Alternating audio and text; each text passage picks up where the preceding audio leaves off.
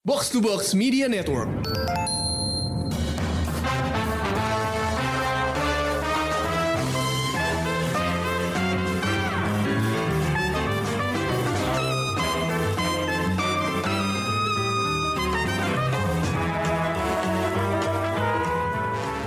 Halo pendengar podcast Showbox, kembali lagi dengan gue Lisa.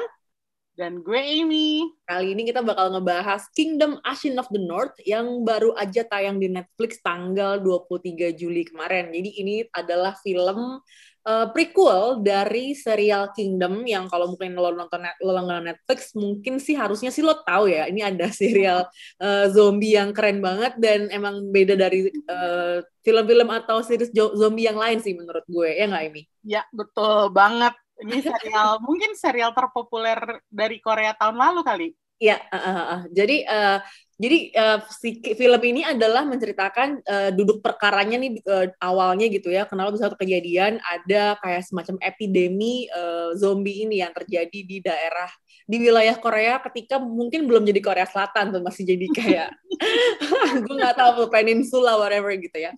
Uh, jadi uh, gue uh, awalnya tuh nggak terlalu ngerti kalau ini tuh prequel gitu dan dan gue sempat kayak ini uh, kok ceritanya nggak kayak yang seriesnya gitu ya tapi ternyata ini adalah prequel dan ini boleh cerita dulu nggak sinopsisnya apaan?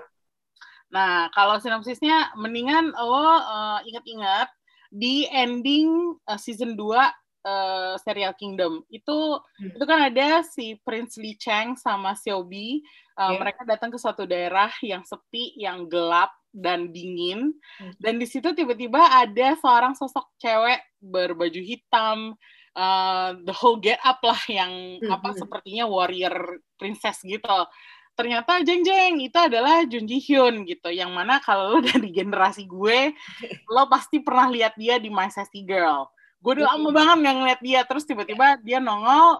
Makanya pada waktu itu orang udah heboh gitu.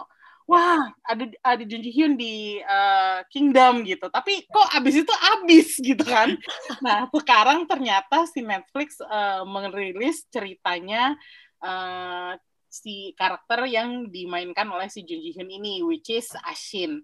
Nah siapa sih Ashin ini? Ashin itu uh, intinya gini, ini cerita adalah cerita balas dendam. Balas dendam si Ashin terhadap tragedi keluarganya yang hmm. menimpa dia. Jadi there's no like zombie breakout di sini ada sih, ada tapi that's not the point gitu. Intinya adalah ini seorang cewek, dia dizolimi lah intinya dan terus sekarang dia pengen balas dendam, Bo. Udah itu aja sih.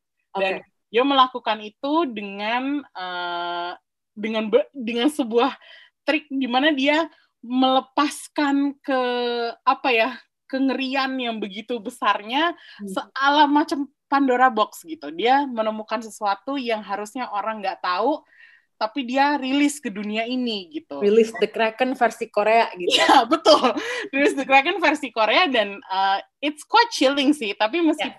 meskipun nggak, ya obviously karena ini cuma special episode judulnya, jangan harap banyak akan mirip sama Kingdom gitu. Hmm. Oke, okay, jadi ini cerita balas dendam. Sebelumnya kita kan nanti uh, abis ini akan bahas uh, langsung filmnya, de, de, masuk ke sesi spoiler gitu ya. Jadi nggak bakal ada sesi non spoiler. Um, uh, kita dengerin dulu trailer dari Kingdom Ashin of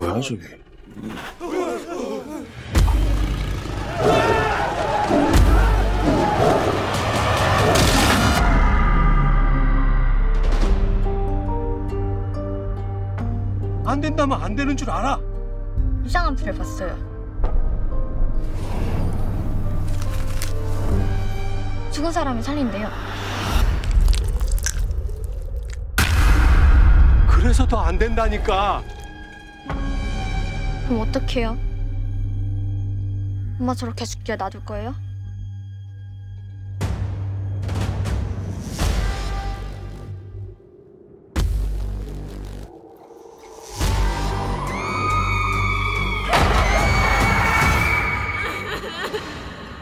그들의 눈에서 피눈물을 흘릴 수 있게만 해준다면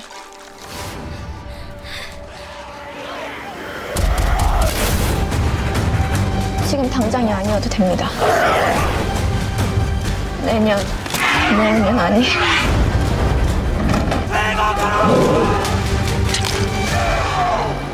복수를 해주십시오.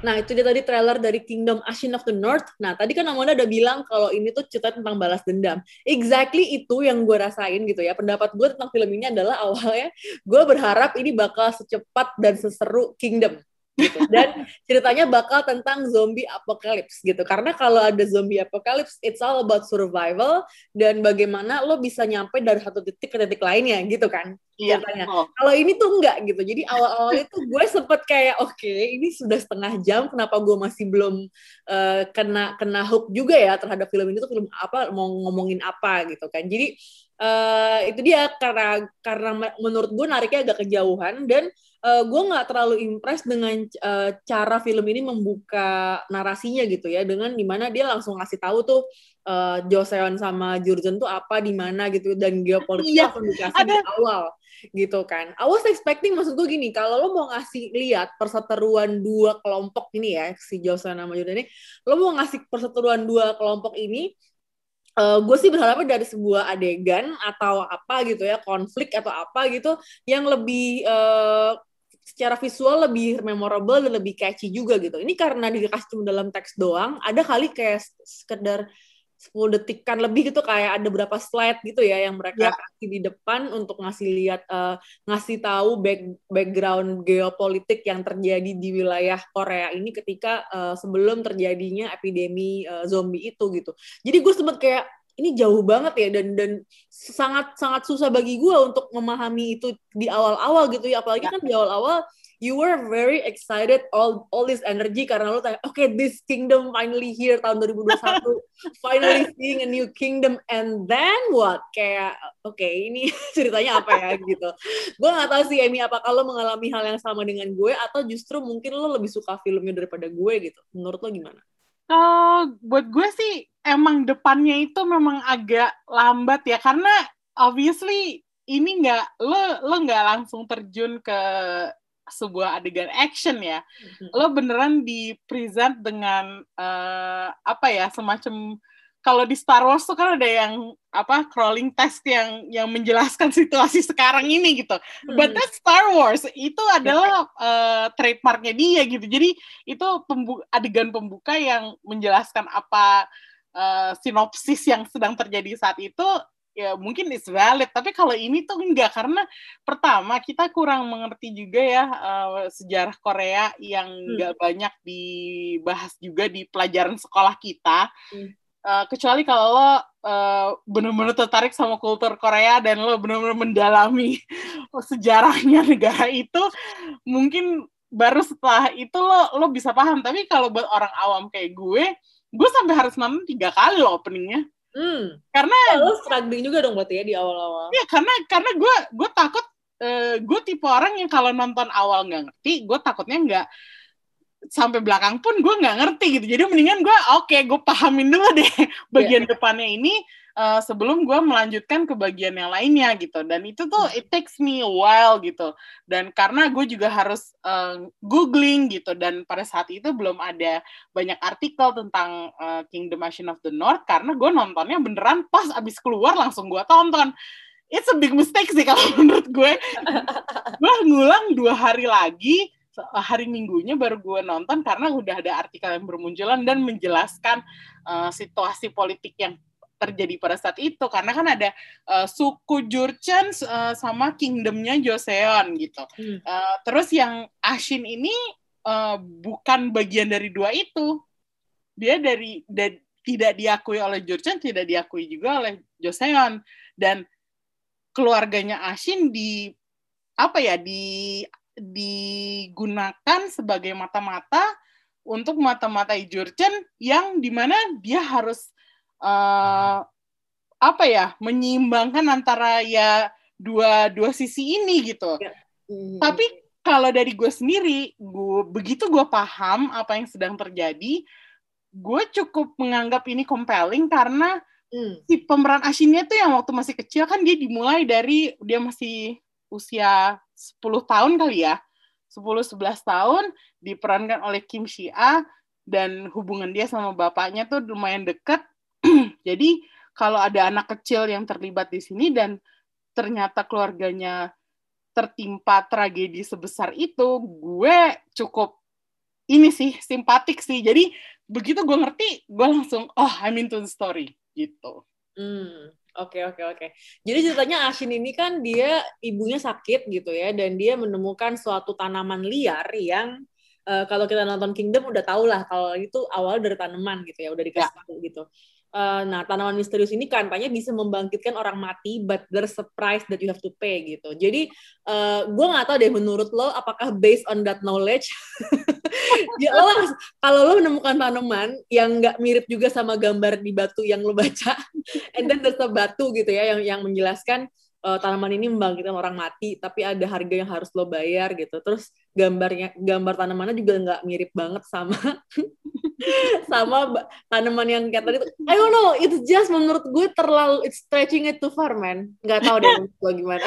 Iya, yeah, that part was a bit kayak gimana ya kayak lo bisa gambar yang lebih bagus nggak ya?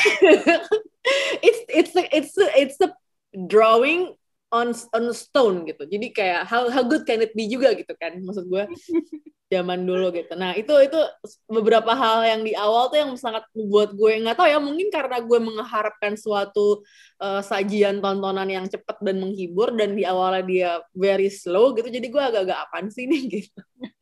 I don't know. Kalau menurut gue yang yang lebih aneh lagi adalah this Ashin girl she's supposed to be smart kan mm, mm. udah dapat warning tetap yeah. aja kenapa dia juga tetap kekeh ngambil tanaman buat ibunya yeah. like Are you sure you want to pay the price, girl? Gitu. Ya itu dia. Dan di, apakah dia tahu yang dimaksud dengan price itu apa gitu loh di awal-awal? Yeah. Gua rasa sih nggak tahu sih. Ya kan? She was just like a little girl, like she a little kid gitu kan. Dia gue kan kita nggak tahu dia setahu apa maksudnya kayak gitu gitu jadi anyway uh, memang ini tuh dikit banget ya ada adegan zombinya gitu dan itu emang tuh kayak kayak ter third act gitu lah ya baru baru yeah, kelihatan baru kelihatan seru-serunya gitu ya. Uh, kita mau gue tuh pengen ngomongin Ashin dulu deh. Menurut lo gimana uh, pengembangan karakternya dia gitu? Karena gue ngerasa dia itu one dimensional banget sebenarnya gitu. Uh, kita cuma tahu dia sebagai seorang yang uh, berduka dan marah gitu. Nggak uh, pernah ngeliat sisi lain daripada itu sih sebenarnya. So when she uh, became that uh, you know the person who burn village and kill people gitu ya gue nggak ngerasa um, apa ya bukannya invested tapi gue nggak ngerasa ada stake-nya gitu karena gue nggak terlalu apa ya uh, oke okay, gue ngerti kenapa dia marah gitu gitu tapi and then that's it aja gitu lewat aja yeah. buat gue okay. kalau lo gimana kalau kalau gue sih cukup ini ya cukup memahami kemarahan dia mm -hmm. uh, karena gue sepertinya karena gue ngebacanya gini dia tuh sepertinya seseorang yang uh, lumayan lumayan tahulah situasi bapaknya. Hmm. Uh, kayaknya bapaknya kan di PHP, di PHP-in tuh sama Joseon, dikatakan hmm. dia bakal dapat jabatan, uh, hidupnya yeah. akan lebih membaik yeah, kalau yeah. dia memata-matain suku Jurchen, hmm. tapi ternyata nggak kejadian gitu. Dan uh, gue mencoba membacanya tuh uh, sebagai uh, dia nih pewaris bapaknya yang yang tahu segala yang tahu sebenarnya apa yang terjadi gitu. Hmm. Uh, makanya waktu dia datang ke pemimpin Joseon, yang mana pemimpin ini uh, udah muncul di season 2 juga ya, yeah. Ya. uh, season 2-nya Kingdom sebagai salah satu orang yang ngebantuin Lee Chang untuk uh, waktu dia ke palace dan kejar-kejaran sama zombie. uh, ini apa namanya? Uh, caranya dia me, apa ya memohon bantuan terus kemudian dia berusaha me, apa ya berjuang sendiri tinggal sendiri sebagai anak cewek yang harus ini. Dan gue sepertinya menangkap uh, kesan bahwa Ashin itu sempat di rape mungkin atau di molest oleh uh, oke. okay oleh uh, tentara yang yang seharusnya menyelamatkan dia gitu. Hmm. Uh, I was really intrigued by that. Tapi sayangnya memang karena ini uh, jatuhnya film ya, iya. meskipun yeah. disebutnya special episode, hmm. uh, menurut gue emang agak kurang. Kita bener-bener harus baca atau memahami beyond what's seen on the screen gitu. Yeah. kita benar-benar harus mendalami banget dan membaca lebih dari apa yang ter, terlihat jadinya kalau lo nggak invest kalau lo nggak apa ya kalau lo nggak tertarik tertarik banget ya udah lewat aja gitu. Ya. gue ngerti sih kenapa lo merasa kayak gitu Lis karena gue setelah gue kan gue nonton sampai ya, dua tiga kali ya jadi gue Hmm. merasa kayak iya sih ini mungkin gue excited karena eh, apa namanya karena gue mau menghabiskan waktu untuk nonton sampai tiga kali tapi kalau orang biasa yang nonton kayak ya udah. Ya. si Ashin eh, balas dendam ya udah gitu. Iya iya iya. Itu sih sebenarnya. Jadi eh, transformasi dari dia kecil terus jadi apa ya semacam warrior di us- usia dia yang dewasa itu menurut gue I don't know it I think it deserve more than just lari-lari di hutan and then suddenly dia jadi orang Iya. dikejar apa sih beruang ya kalau gue nggak salah. Dikejar beruang and then suddenly she's Kejar babi hutan. Eh babi hutan ya. She's an adult terus kayak eh, udah jadi gitu. Jadi eh, I don't know I was expecting more. Eh, karena gue tahu ini buatan Korea Selatan gitu ya and they were eh, karena mereka sangat advance dalam storytelling dan ngerti nggak sih Ya, kayak betul. gue tuh nonton Kingdom sangat ter- eh, terpesona gitu ya dengan dengan eh, kemasan acaranya gitu kemasan ceritanya Eh, and this is actually menurut gue sayang banget skripnya emang agak lemah sih I don't know menurut lo gimana kalau gue ngerasa emang skripnya emang agak-agak eh, bermasalah gitu. kalau menurut gue skripnya mungkin fine aja Hmm. tapi eksekusinya dalam arti eh, kenapa dia nggak mau invest waktu lebih banyak gitu? Itu Hmm. sih yang gue pertanyakan. Kenapa cuma satu episode gitu ya kan? maksudnya kasihlah tiga episode gitu. Kingdom Kingdom gue tahu emang eh, Iya, pendek. Iya, dia memang cuman formatnya mini seri 6 episode. Tapi Iya. untuk Ashin ini lo udah punya bintang segede uh, Yes. Gitu.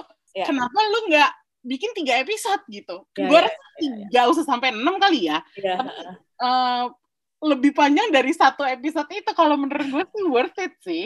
Kenapa Iya, iya. kenapa dia nggak mengambil apa ya kayak kenapa dia nggak nge-push buat budget yang lebih banyak supaya bisa eh, tampilin tiga episode misalnya gitu. Ya Iya. itu memang running time-nya agak-agak ini ya eh, agak-agak bermasalah. Kalau menurut gue dibikin dia di film menurut gue langkah yang kurang bener sih. Kalau kalau boleh eh, do over gitu atau misalnya apa namanya eh, boleh ada remake gitu ya Hmm. gue usulin sih gue sih pengennya yang nonton lebih banyak episode Iya, iya, iya. Jadi kabarnya gini, eh, soal format ini ya, format prequel yang cuma satu episode ini. Jadi setelah eh Ashen of the North, katanya sih Netflix akan bikin spin-off. Hmm. Eh, judulnya Kingdom the Crown Prince. Jadi eh, ini tuh baru keluar beritanya sekitar tiga hari yang lalu. Sebenarnya ini keluar tepat ketika eh, set apa special episode ini muncul di Netflix di tanggal 23 Hmm. Juli gitu. Jadi eh, benar-benar ini tuh eh, katanya bakal ngomongin si pangerannya ini, pangeran what's his name? Di Chang Ya, yang dimainkan oleh Ju Ji Hyun. ya. heeh. Ju Ji Hyun. Ja- Jadi eh, maksudnya eh, mungkin eh, keputusannya itu kali ya kenapa akhirnya memilih eh, bikin special episode terus akhirnya bikin spin-off juga karena kan ini sangat eh, a very successful eh, series lah gitu dari Hmm. dari Korea and then I think they're trying to push boundaries and then make things yang nggak sesuai dengan apa ya nggak nggak mau ngikutin pola apa eh, mini series 666 gitu kan jadi eh, suka-suka mereka aja mau bikin satu episode atau which is fine tapi menurut gue dengan pembangunan cerita yang kayak gini agak-agak sayang gitu sayang ke karakter Ashinnya sih menurut gue Ya, she deserves more sih kalau Yes. menurut gue. you want Dan- more Maksudnya eh, kalau eh, yang yang bagus dari Kingdom ini juga adalah yang bikin tuh orang-orangnya sama gitu. Hmm, Eh, penulisnya masih tetap Kim Eun Hee gitu. Dan Hmm. nggak nggak apa ya eh, aktornya juga nggak diubah. Yang pernah muncul di season 2 di sini muncul lagi meskipun eh, dalam eh, peran masa lalunya ya ceritanya. Dan eh, jadi kontinuitasnya lumayan terjaga lah kalau menurut gue. Maksudnya udah punya tim yang solid kenapa nggak invest more time aja gitu? Ya mungkin ada pertimbangan lain juga kali ya. Mungkin Ya. aktrisnya cuma bisa muncul untuk uh, waktu tertentu gitu. Jadi dia nggak bisa muncul untuk tiga episode. Gue nggak ngerti juga kenapa. Tapi uh, kalaupun misalnya dibikin spin offnya ya gue harap pengembangan ceritanya lebih tertata rapi aja sih lagian masalahnya ini yang main di Kingdom tuh bukan sembarang orang gitu setelah gue nonton Kingdom gue kan mencari tahu siapa orang-orang ini gitu aktor-aktor yang main di Kingdom tuh ternyata aktor terkenal semua termasuk Duna B juga gitu maksudnya mm -hmm. uh, jangan sia-siakan talenta mereka gitu Oke, okay. um, itu aja sih kali ya pembahasan kita soal Kingdom. Uh, I think if anything, uh, Asian of the North ini uh, bakal menjanjikan series apa season 3 yang sangat seru sih. Karena lo akhirnya paham kan kenapa ada dia di uh, di end of uh, second season gitu. Ya, dan uh, bagusnya juga uh, setidaknya dengan Asian of the North ini hampir semua pertanyaan yang ingin ditanyakan dari serial Kingdom itu terjawab gitu. Jadi maksudnya ada kejelasan dari mana datangnya tanaman itu, terus dari mana datangnya yeah, yeah, si, yeah. si apa wabah di kan itu kan ceritanya kan kita kalau di Asin kan di, di utara, sementara Kingdom serialnya kan itu settingnya di selatan, selatannya Korea. Jadi kita bisa tahu dari mana tanaman itu bisa muncul di selatan dan uh, mewabah di selatan itu? Ya jawabannya ada di Asin ini ya karena dia itu. Jadi setidaknya setidaknya untuk uh, fansnya Kingdom yang tertarik dengan lore dan background dan sejarahnya lumayan bisa terpuaskan lah. Ya. Uh, dan kita bakal nunggu ya kalau memang Netflix nih beneran bikin uh, Kingdom the Crown Prince yang bakal uh, menceritakan kisahnya si Prince uh, Li Chang gitu.